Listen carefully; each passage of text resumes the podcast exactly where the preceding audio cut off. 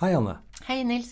Velkommen til en ny podkast fra Mindfit. Og um, som vanlig så svarer vi da på innsendte spørsmål. Mm. Og um, du, Janne, du er utdanna psykolog. Ja. Hvor var du egentlig du utdanna deg hen? I Oslo. Og det var et fint studie. Men det er jo sånn, og det, sånn vil det bli når vi svarer, og psykologi er jo et veldig vidt fag. sånn at eh, du kan liksom ikke sette to strek under et svar. Så eh, det jeg håper, er at vi allikevel klarer å svare på en måte som fanger opp litt essensen i det den som har sendt inn spørsmålet, spør om, da. Men det er med litt sånn ærefrykt, for at eh, ja. Dette kan ses fra flere vinkler. Ja, og dette er ikke noe behandling. Altså her, her svarer vi generelt på innsendte spørsmål. Mm. Og jeg har da altså ingen utdannelse. Jeg er da lekmann i dette Ja. her. Men du kan jo litt om folk da, Nils. Kan litt om folk, vet du. Ja. Vi tar første spørsmål. ja. Og det lyder slik. Jeg lurer på hvordan jeg kan hjelpe min søster. Hun har depresjon og angst og har- av flere grunner flyttet inn hos meg og min samboer. Hun er tidlig i 20-årene og går ikke på skole eller jobber. Hun sier hun vil ha jobb og leie et eget sted. Samtidig har hun ingen motivasjon for å gjøre tingene som må til for å få seg en jobb. Jeg prøver mitt beste på å motivere henne og sette små krav for henne til å gjøre små steg som på sikt kan føre til en jobb. Samtidig vet jeg ikke om det jeg gjør fungerer. Alle samtaler med henne ender opp som monologer fra min side, hvor hun enten ikke svarer eller svarer ja eller nei. Har dere noen råd til nære pårørende som vil hjelpe personen i riktig retning? Ja, eh, jeg syns dette er et fint spørsmål, også fordi jeg jobba mye med pårørende Tidligere jeg jobba med pårørende av eh, folk som har slitt med alkoholproblemer, og også med psykiske problemer. Eh, og jeg ser at de som er pårørende, altså det som er viktig å få sagt, de, de må også passe på seg sjøl. Det er egentlig jeg er blitt mer og mer opptatt av at, at hvis du skal hjelpe de som står deg nær sånn her, eh, så må du også eh, tenke på at du ikke skal slite deg ut. Jeg har møtt en del pårørende som faktisk For det er veldig tungt at du har noen rundt deg som du så gjerne vil skal bli, få løse et problem. Og så har du mange gode ideer, og du har mange initiativ til hvordan det skal skje, men så ser du at motparten ikke får det til, og, det blir bare sånn enesamtaler og sånn. Jeg tenker denne innsenderen eh, må tenke litt på det. Altså, hun sier det sjøl òg. Kanskje hun kanskje ikke virker, kanskje hun ikke skal bruke så mye krefter på det. Og så sitter jeg altså og tenker, men hva skal en gjøre da? Fordi eh, hun bryr seg. Men jeg tenker eh, kanskje at hun kunne fått litt hjelp av andre òg. At dette er et såpass eh, vanskelig utfordring, da. Altså når du har noen som verken jobber eller har leilighet, og som tydeligvis har, stor, har utfordringer med å i det hele tatt komme i gang med ting, så er det vanskelig å være den eneste som skal dra dem i rett retning. Og når det gjelder ungdommer, så vil jeg nå si at eh, både Nav og eh, spesialisthelsetjenesten skal prioritere dem. Både i forhold til Altså, en del Nav-kontor NAV gjør bra jobb med ungdommer. De, de har ungdomskontakter, og de har uh, ungdomsteam. Og de er spesielt opptatt av å få ungdom i aktivitet. Og du kan jo ikke se bort ifra at denne søstera som ikke har noe å gjøre, kan ha litt Det kan være andre utfordringer. Hun kan være, kan være deprimert. Hun kan, kan ha andre årsaker til at hun ikke klarer å komme i gang, enn bare det at hun ikke klarer det, hvis du skjønner. Det, det står jo ikke noe her om um, vedkommende er i et behandlingsløp. Nei. Eh, men det du sier er jo egentlig at eh, det bør hun. Eh, Det bør i hvert fall Noe av det som, som denne søstera kan gjøre, er å spørre henne hvordan hun egentlig har det. Om det kan være andre ting også som ligger til grunn for at hun ikke kommer i gang. Er hun lei seg? Har hun, har hun angst? Er det noen utfordringer her med Ja, har det skjedd noe? Det er mulig du kan få, få litt innpass der. Og så tenker jeg også å oppmuntre og kanskje være med på Nav, eller oppmuntre eller være med til, til lege, eller spesialisthelsetjenesten skal faktisk Hvis du er under 23 år, så skal de eh, Da har du en sånn garanti på at du skal få en vurdering etter ti dager, og du skal ha hjelp innen 65 dager. Så de, er- de er også spesielt opptatt av ungdommer. Men eh, du nevnte at uh, du har um, behandlet uh, pårørende av mm. alkoholikere. Ja. Og hvis du liksom tar en alkoholiker uh, Man kan liksom ikke si til en alkoholiker kan du ikke bare slutte å drikke, da, så mm. er liksom problemet løst. Mm. Det samme som jeg opplever at hun spør litt om. altså ja. Man kan ikke si til noen som har angst slutt å være redd, da. Og så er vi ferdige. Altså, hvordan ja. Hva slags språk skal man bruke? Og jeg føler vel egentlig at hun skjønner at, eh, skjønner at det er et spesielt språk man skal bruke, fordi hun skriver at hun setter små krav. Ja, og det, det er jo et godt poeng, ikke sant? og det ville jo jeg òg gjort. Jeg ville ha satt små krav. Men, men så også poenget hvilke, hvilke mål eh, og hvilken motivasjon har denne søstera som ikke får til noe? Sånn at hun må også ta Hun må gå i seg sjøl. Hun må jo ta et ansvar. Hun må jo finne ut av det. Og det er ikke sikkert alltid at det er den nære pårørende som er rett person til å snakke med det om. Uh, og så vil jeg også tenke at hvis du først skal snakke med dem, så Min erfaring er at det som kan gjøre inntrykk, er at du viser at du er bekymra, og at du bryr deg. Og at du slutter å mase om gjør ditt eller datt, men mer er nysgjerrig og prøve å finne ut eh, hvordan har du det faktisk. Og så må du få lov å sette noen grenser. og F.eks. hvis du er, er, pårørende til en som er alkoholiker, så har du jo lov å si fra at drikkinga di går utover meg. Mm. Uh, og du må slutte å gjøre det i nærheten av meg. Og det samme gjelder jo denne søstera som ikke får gjort noe. ikke sant? Du kan jo si hvis du skal bo her, så stiller jeg noen krav. Du må hjelpe til i huset, eller du må ditt eller datt. Altså det, du må liksom balansere det der, da. Ja. Mm. Men noe av det hun kan hjelpe med, er å ta henne med til en uh, lege. Altså at man begynner. Altså, det forutsetter jo at denne uh, søstera innrømmer at dette problemet handler om mer enn bare det å komme i gang med å få seg jobb eller få noe å gjøre. At hun sier at hun er lei seg, eller at det er noe annet som plager henne. Da vil jo lege være et rett sted. Hvis ikke så vil jeg tro at Nav kan være et bra sted. Mm. Og at det handler om å bli oppmuntra til å begynne det små med en eller annen aktivitet. Um, og kanskje ellers sånn, så kanskje gjør hyggelige ting sammen. Prøv å holde litt fokus på også å ha det hyggelig sammen.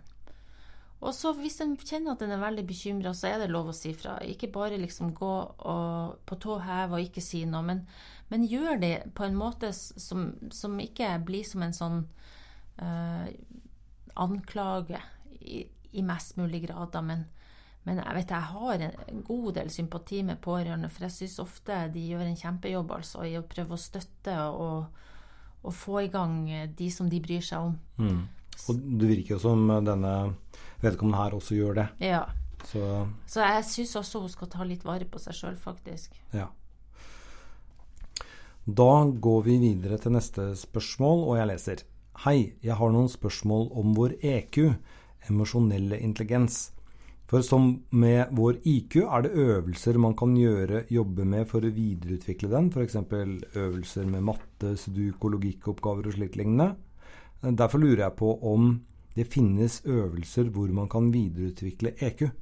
Øvelser man kan gjennomføre alene, og øvelser man kan gjennomføre med flere mennesker i en gruppe. Det lurer vår innsender på. Så hvordan kan man utvikle EQ?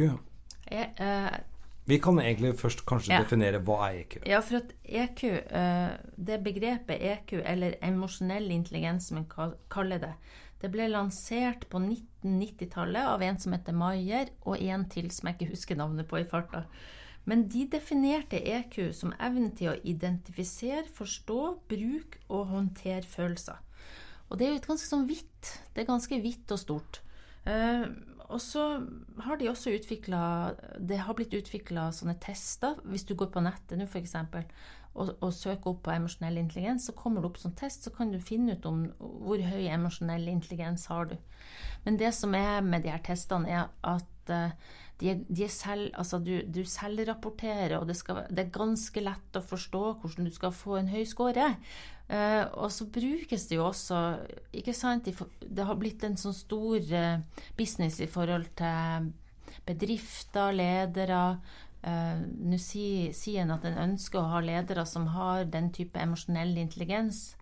Uh, og så tenker jeg en skal ikke stole blindt på de her testene, da, fordi de trenger jo ikke nødvendigvis uh, bety at du har den type evne til å kommunisere godt med andre som, som, det, som kan ligge i begrepet. da. Men det høres vel ut som det eneste måten å øve opp EQ-en sin på, er å uh, være sammen med og snakke med og observere andre mennesker. Vet du hva, jeg kan si litt om det, men jeg har bare lyst til å fortelle noe artig først. Fordi eh, jeg har nettopp lest eh, om en som heter Halvor Følles Dahl, og han har gjort en doktorgrad der han, sammen, altså han intervjua 111 bedriftsledere Eh, og så på hvordan de scora på en sånn type emosjonell intelligens-test. Og så um, nei, han, så, han, han så på hvordan de scora på det, og så intervjua han de ansatte. Om hvordan de ble Altså hvordan ble de her lederne oppfatta av ansatte? Uh, og hvordan klarte de å motivere, og hvor empatisk ble de oppfatta å være. Og det han fant ut, var at det var ikke så stor sammenheng mellom de to tingene. Eh, og han eh, kritiserer det begrepet og sier også at de testene de, de fanger ikke altså det, det, er vanskelig å fange noe så stort og bredt som emosjonell intelligens. Eh, vi har bedre tester for å, å finne ut evnenivået, mm. altså IQ. Men vi kan lett trene opp IQ-en vår med sånne sudoku-ting ja, ting og sånne ja. ting, men hvordan er det vi kan trene opp EQ-en?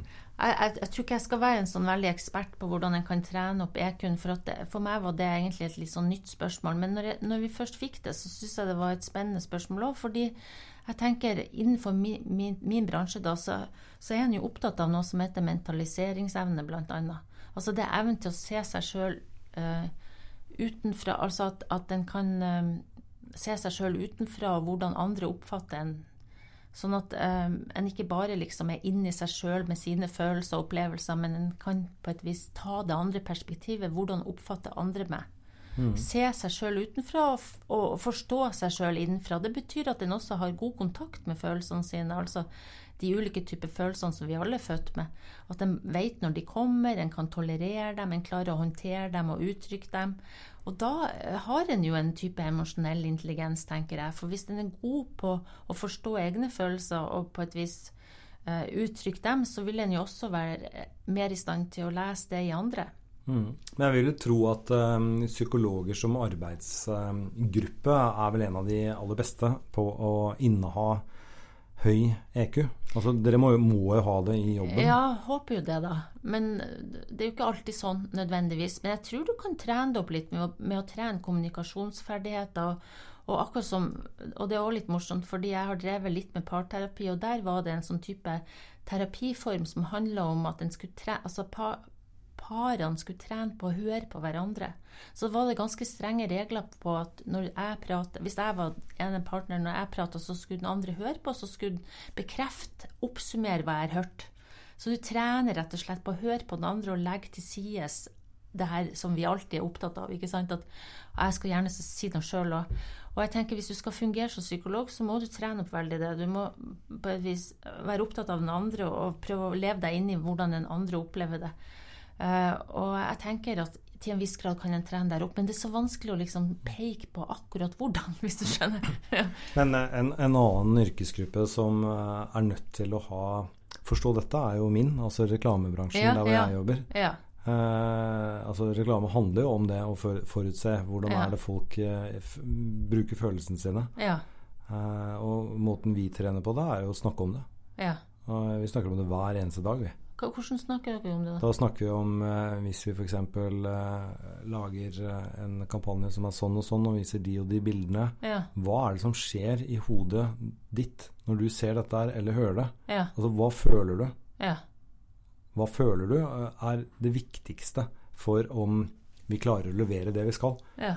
Nemlig at uh, en mottaker har forstått et budskap, og da ja. kanskje skal kjøpe et eller annet. Da. Ja, og også, også en, god, en, person som har en god emosjonell intelligens, vil hele tida prøve å få bekrefta har jeg forstått deg riktig. For det er også litt et poeng at en er nysgjerrig på å utforske hvordan den andre opplever det, og at en korrigerer sin oppfatning ut ifra hva den andre sier om seg sjøl. Men Da er kanskje poenget mitt når, hvordan ved å trene. Det, det er det at eh, felles for psykologer eh, altså Man vedlikeholder jo forståelsen av EQ ved å snakke med mennesker. Mm. Det samme gjør i og for seg da en reklamebransje som snakker med kunder og fokusgrupper og Mm. sånne ting.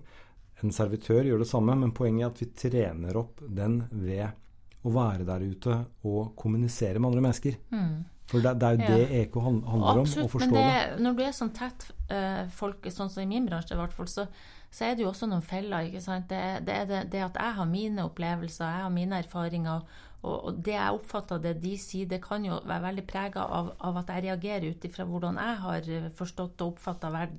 Vi snakker jo om motoverføring og overføring, og det er jo gamle begreper, men det er jo viktig å ha det klart for seg. Så hele tida handler det om å på et vis sjekke ut har jeg forstått den andre riktig. Mm. Så du kan ikke ta for gitt at du har forstått den andre riktig, og, og, og også at du ønsker å finne ut hvordan den andre opplever det. Mm. Nei, Da er vi kanskje tilbake til at uh, reklamebransjen er den eneste. Da, for at vi ser det jo ved om uh, kampanjen går bra eller ikke. Ja, ja, greit. Men tilbake til uh, Veldig interessant eh, spørsmål. Det, det skal vår innsender virkelig ha. Ja, og vi må jo bare beklage at, at vi kommer ikke på noe selskapslek i farta, eller no, noe øvelse som du kan trene direkte på. Eh, det er jo mulig faktisk, hvis du søker på nettet, at du finner et eller annet, men, men dette er ikke noe som jeg på stående fot kommer på at akkurat det kan du gjøre. Men det blir litt mer sånn generelt som vi har snakka om det. Mm. Men det er en jordklode der med mange milliarder vidunderlige mennesker. Gå ut og snakk med dem. Det Ja. er en god start. Ja. Da er vi til veis ende ved denne utgaven av Mindfeeds podkast. Um, tusen takk til alle dere som hører på. Det er en del av dere, og det er vi veldig glade for. Mm. Og fortsett å sende inn spørsmål. Eh, vi leser alt, eh, og vi er veldig glade for at dere, dere gjør det. Ja, takk. Ha det bra. Ha det.